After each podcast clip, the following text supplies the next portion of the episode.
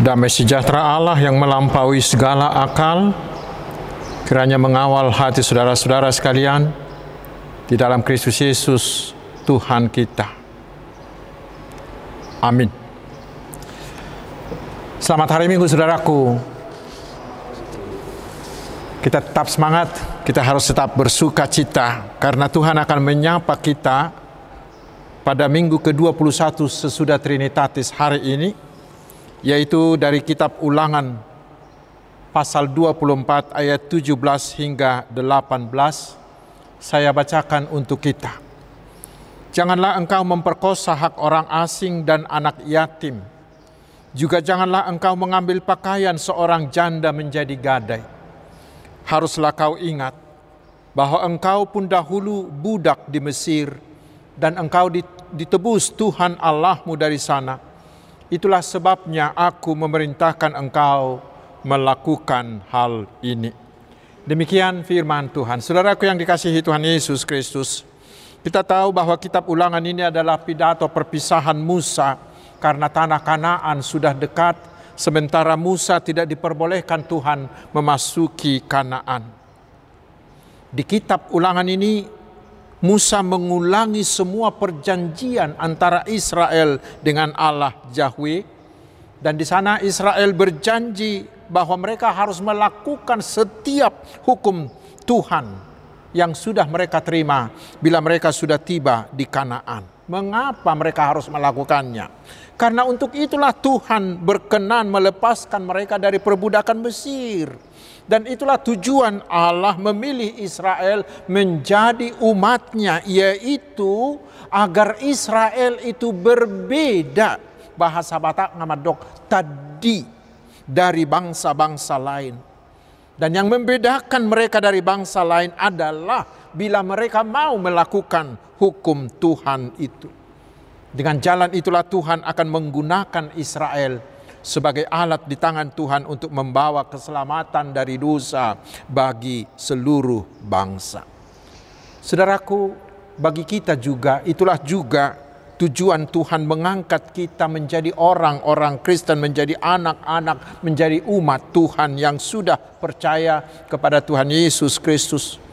Tuhan menginginkan kita bukan hanya melakukan ritual di sekitar gedung gereja kita, bukan tetapi Tuhan menginginkan agar iman kita nampak dalam perbuatan keseharian kita, dalam semua aspek kehidupan kita, dalam semua detik kehidupan kita. Seperti sudah kita dengarkan pada khotbah minggu yang lalu. Itulah yang kita sebut sebagai ibadah kehidupan. Itulah yang bisa dilihat orang, itulah yang bisa dirasakan orang. Dari situlah dari melakukan firman Tuhan itulah kita uh, orang-orang lain melihat keperbedaan kita, melihat mamereng hatadiota. Dari situlah orang lain melihat bahwa Allah yang kita sembah itulah Allah yang sejati, Allah yang sebenarnya, Allah yang layak dipercaya dan diikuti sehingga mereka mau datang ikut dengan kita menjadi murid-murid Tuhan Yesus. Itulah penginjilan dengan gaya hidup. Itulah penginjilan dengan melakukan firman Tuhan. Dan salah satu dari buah iman yang harus kita nampakkan seperti yang dituliskan dimuat dalam nats hari ini adalah sikap kita, perilaku kita terhadap orang miskin, terhadap para yatim dan juga para janda. Mari kita coba telaah lebih lanjut. Di ayat 17 dikatakan dalam bahasa Indonesia sehari-hari jangan merampas hak orang asing dan anak yatim piatu. Dan jangan mengambil pakaian seorang janda untuk jaminan.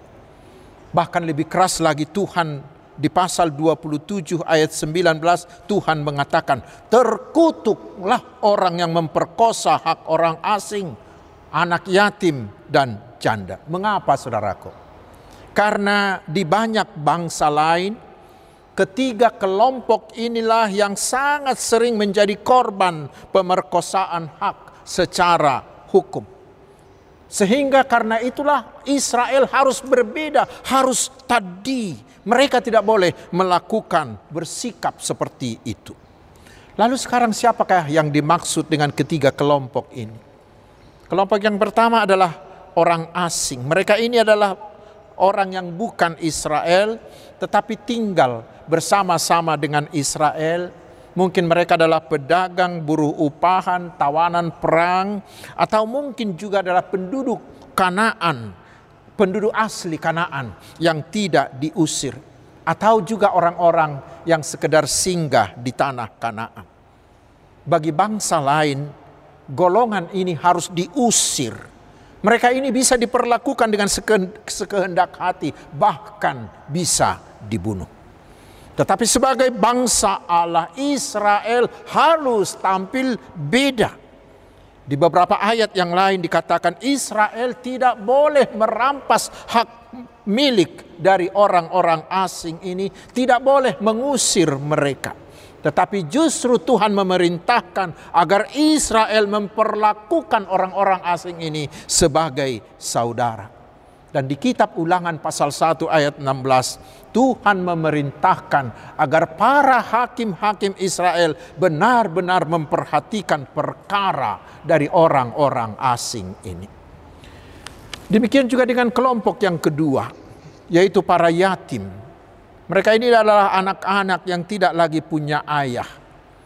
Di bangsa-bangsa lain, kelompok ini bisa dipermainkan oleh kerabat-kerabatnya. Bisa saja hak-hak mereka dirampas oleh kerabat-kerabat lainnya. Demikian juga dengan kelompok yang ketiga, yaitu para janda. Mereka ini adalah kelompok yang tidak lagi mempunyai suami yang bisa membela haknya. Dan oleh karena kemiskinan, para janda ini sering menggadaikan pakaiannya. Biasanya selimut mereka untuk memperoleh modal usaha. Lalu dia akan menebusnya di sore hari karena pakaian itu akan dipakainya menjadi selimut tidurnya dan bagi anak-anak. Tetapi bila dia tidak punya uang, maka pakaian itu akan ditahan oleh si pemilik modal. Itu berarti si janda itu dan anak-anaknya akan tidur kedinginan tanpa selimut. Itulah yang biasa dilakukan oleh bangsa-bangsa lain. Tetapi sekarang bagi bangsa Israel Tuhan memerintahkan praktek seperti itu tidak boleh terjadi di bangsa Israel. Mereka harus tampil beda. Bahkan Tuhan mengancam, barang siapa yang menindas, yang membelokkan hukum atau memperkosa hak dari golongan ini, maka Tuhan akan mengutuk mereka. Lalu sekarang berikutnya saudaraku, mengapa Israel harus tampil beda dengan memperlakukan mereka seperti itu? Yaitu karena Israel harus sadar dan harus tetap mengingat bahwa mereka juga dahulu adalah bangsa budak di Mesir yang sedikit pun tidak punya harga diri, tidak punya kebebasan dan tidak punya hak secara hukum. Semua hak-hak mereka diambil oleh Firaun dan mereka diperlakukan dengan semena-mena. Tetapi hanya oleh karena inisiatif Allah yang didorong oleh kasihnya yang tak terhingga itu. Maka Tuhan mau membebaskan bangsa Israel dengan tangan yang kuat dari tangannya Firaun. Mereka dibebaskan menjadi bangsa yang merdeka dan mereka sekarang mempunyai harkat, martabat kemanusiaan yang penuh. Mereka punya hak secara hukum. Karena itulah bila Tuhan sudah membebaskan mereka maka mereka wajib membebaskan. Mereka wajib menjamin harkat dan kebebasan semua orang terutama orang-orang asing, para yatim dan para janda. Mereka tidak boleh melupakan itu. Wajib hukumnya. Dan itu harus nampak dalam praktek di hidup keseharian mereka. Mereka dibebaskan untuk menjadi pembebas bagi sesama mereka. Itulah yang membuat mereka berbeda dari bangsa lain. Sekarang saudaraku, mari kita coba ambil beberapa hal yang bisa menjadi renungan bagi kita. Yang pertama, kita juga harus menyadari bahwa kita sudah dibebaskan oleh Tuhan Yesus dari perbudakan dosa dan perbudakan iblis melalui pengorbanannya di kayu salib. Dan itulah yang diinginkan oleh epistel tadi. Diingatkan oleh epistel yang tadi bahwa kita dahulu adalah orang hukuman yang diperlakukan sewenang-wenang oleh dunia yang dikomandoi oleh si iblis ini. Tetapi sekarang kita sudah dibebaskan dari semuanya itu oleh Tuhan Yesus. Ketika kita mau percaya menerima Tuhan Yesus menjadi Tuhan dan juru selamat bagi kita tetapi saudaraku itu tidak boleh hanya dalam perkataan, tidak boleh disimpan dalam hati, tidak boleh hanya dalam perasaan saja, tetapi harus nampak, harus terlihat dalam tindakan, dalam perbuatan, dalam perilaku kita sehari sehari-hari dan itu yang bisa dilihat orang. Yakobus 2 ayat 17 mengatakan iman tanpa perbuatan adalah mati. Perbuatan itulah yang membuktikan bahwa kita ini benar-benar beriman, benar-benar murid Tuhan Yesus. Iman dalam perbuatan itulah yang membuat kita menjadi sempurna, yang membuat kita menjadi berbeda dari orang lain. Itu ditekankan oleh Tuhan Yesus di Matius 5 ayat 47 hingga ayat 48. Dan apabila kamu hanya memberi salam kepada saudara-saudaramu saja, apakah lebihnya daripada perbuatan orang lain? Bukankah orang yang tidak mengenal Allah pun berbuat demikian? Karena itu, kamu haruslah kamu sempurna, sama seperti Bapamu yang di sorga adalah sempurna. Tuhan Yesus menginginkan agar kita bukan hanya menjadi muridnya yang biasa-biasa saja, yang setara, yang sama dengan orang kebanyakan, tidak. Tetapi Tuhan Yesus ingin lebih. Tuhan Yesus ingin kita harus berbeda jauh, yaitu harus sempurna. Mengapa? Karena Tuhan kita Yesus Kristus adalah juru selamat yang sempurna. Tidak ada yang bisa menyamai dia. Karena itulah hal yang kedua dari nats ini, iman itu harus nampak dalam tindakan dalam hidup keseharian kita. Sekali lagi, hidup kita itulah yang dilihat orang. Orang akan mengagumi kehebatan Tuhan Yesus kita bukanlah dari indahnya dogma atau ajaran kita. Bukanlah dari hebatnya ibadah-ibadah kita atau megahnya gedung-gedung gereja kita sama sekali bukan. Tetapi orang akan mengagumi Tuhan kita Yesus Kristus dari cara hidup dari orang-orang yang percaya kepadanya. Itulah yang dikatakan oleh firman Tuhan di 2 Korintus 3 ayat 2 bahwa kita ini adalah surat terbuka dari Kristus yang bisa dibaca semua orang. Dan salah satunya dari sana adalah sikap kita terhadap orang miskin, kepada yatim piatu, kepada para janda. Sikap kita terhadap mereka yang kurang beruntung, yang kurang berdaya, baik secara hukum, secara sosial maupun ekonomi, terutama bagi mereka korban-korban ketidakadilan. Sikap kita terhadap mereka yang tertindas kepada korban persekusi, terhadap korban bullying Saudaraku, kita berterima kasih karena Tuhan memberi kita pemerintah yang sudah berusaha membuat hukum menjadi panglima. Kita sudah melihat adanya usaha pemerintah kita membuat pemerataan ekonomi dan kesetaraan semua orang di depan hukum. Kita melihat usaha untuk bertindak adil. Kita juga mensyukuri ketika semakin banyak orang yang berusaha untuk menegakkan keadilan dan kebenaran dengan mau membela secara sukarela mereka-mereka korban kecurangan hukum, korban-korban ketidakadilan. Namun harus kita akui memang belum seluruhnya sempurna. Masih ada orang yang belum mendapatkan haknya. Masih ada orang yang dicurangi, yang tertindas secara hukum Coba lihat pencuri semangka dihukum lebih berat dari koruptor yang korupsi miliaran atau triliunan rupiah. Juga kita melihat kebebasan beragama belum terjamin sepenuhnya karena masih ada tempat ibadah yang dibakar, yang ditutup tanpa pembelaan yang memadai. Demikian juga di bidang ekonomi memang kita mensyukuri pemerintah kita sudah berusaha keras untuk meningkatkan kesejahteraan semua rakyat bangsa ini. Namun selalu saja ada orang yang kurang beruntung secara ekonomi Terutama di masa pandemi ini banyak orang yang kehilangan pekerjaan, kehilangan pendapatan, banyak orang yang menjadi jatuh miskin. Kita bersyukur karena pemerintah kita cepat tanggap memberi ragam bantuan. Demikian juga semua anak bangsa ini juga para eh, gereja-gereja yang ada di Indonesia langsung bertindak dan membantu untuk mengurangi beban-beban mereka. Karena itulah saudaraku sebagai umat tebusan Tuhan Yesus kita harus di garis depan untuk memperjuangkan, untuk mengusahakan kesejahteraan dan keadilan bagi semua orang terutama bagi mereka yang kurang beruntung itu.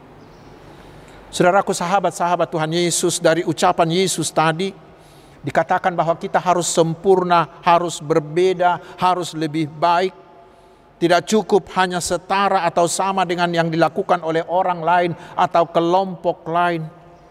Dan itu tidak boleh temporer, tidak boleh kondisional. Tetapi itu harus kita lakukan secara terus-menerus, di mana saja, kapan saja, dan kepada siapa saja. Mari kita ingat perumpamaan Tuhan Yesus di Matius 25, mulai dari ayat 3 hingga ayat 46 yang mengatakan bahwa kelak ketika Yesus datang kedua kali kita akan dihakimi bukanlah menurut berapa megahnya gedung ibadahmu atau seberapa banyak uang dikumpulkan oleh gerejamu bukan tetapi kita akan dihakimi diadili menurut buah iman kita apa menurut apa yang kita lakukan terhadap orang yang miskin kepada terhadap orang yang kurang beruntung itu kita akan diadili menurut seberapa maukah kita menjadi sahabat bagi mereka yang miskin, korban ketidakadilan bagi mereka yang kurang mampu. Saudaraku mereka ada di dekat kita.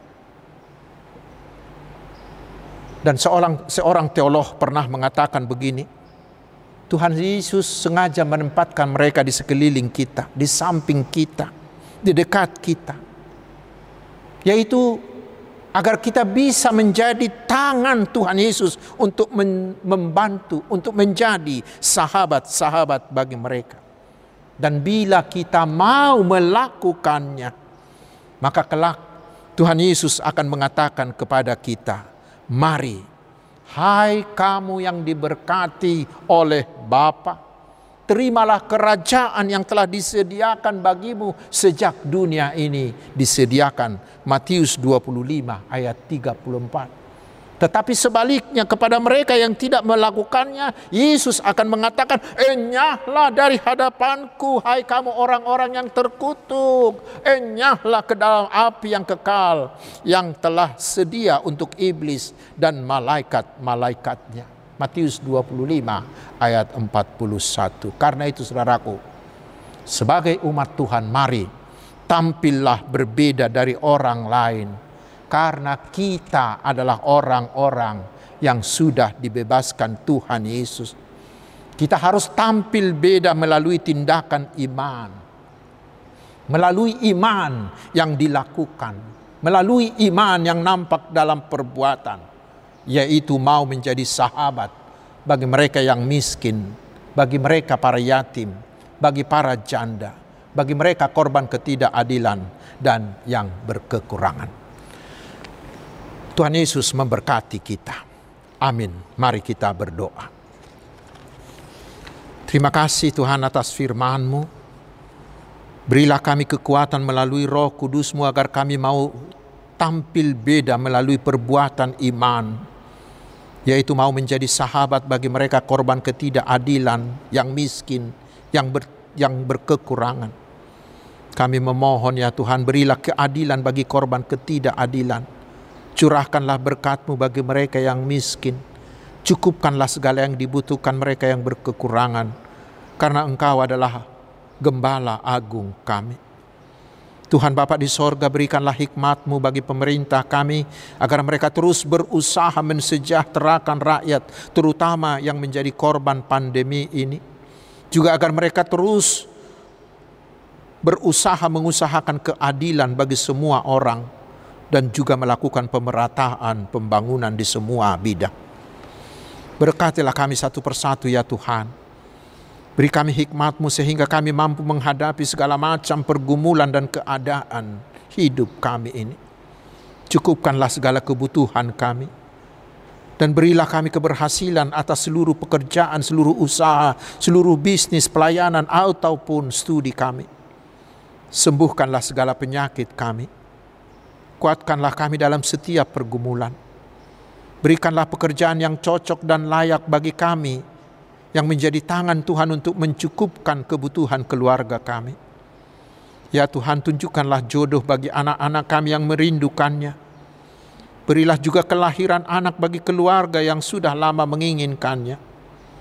Berkatilah setiap keluarga agar tetap saling mengasihi. Berkatilah anak-anak kami yang belajar secara tatap muka agar mereka tetap sehat. Berkatilah semua para pendidik mereka Berkatilah mereka yang berulang tahun pernikahan. Biarlah mereka tetap ingat akan janji pernikahannya. Berkati jugalah yang mereka yang berulang tahun kelahiran. Berilah mereka umur panjang, panjang dan hikmat untuk menggunakan hari-hari hidupnya memuliakan namamu saja. Terima kasih Bapak yang baik. Hanya di dalam nama Tuhan Yesus Kristus kami berdoa dan memohon. Amin.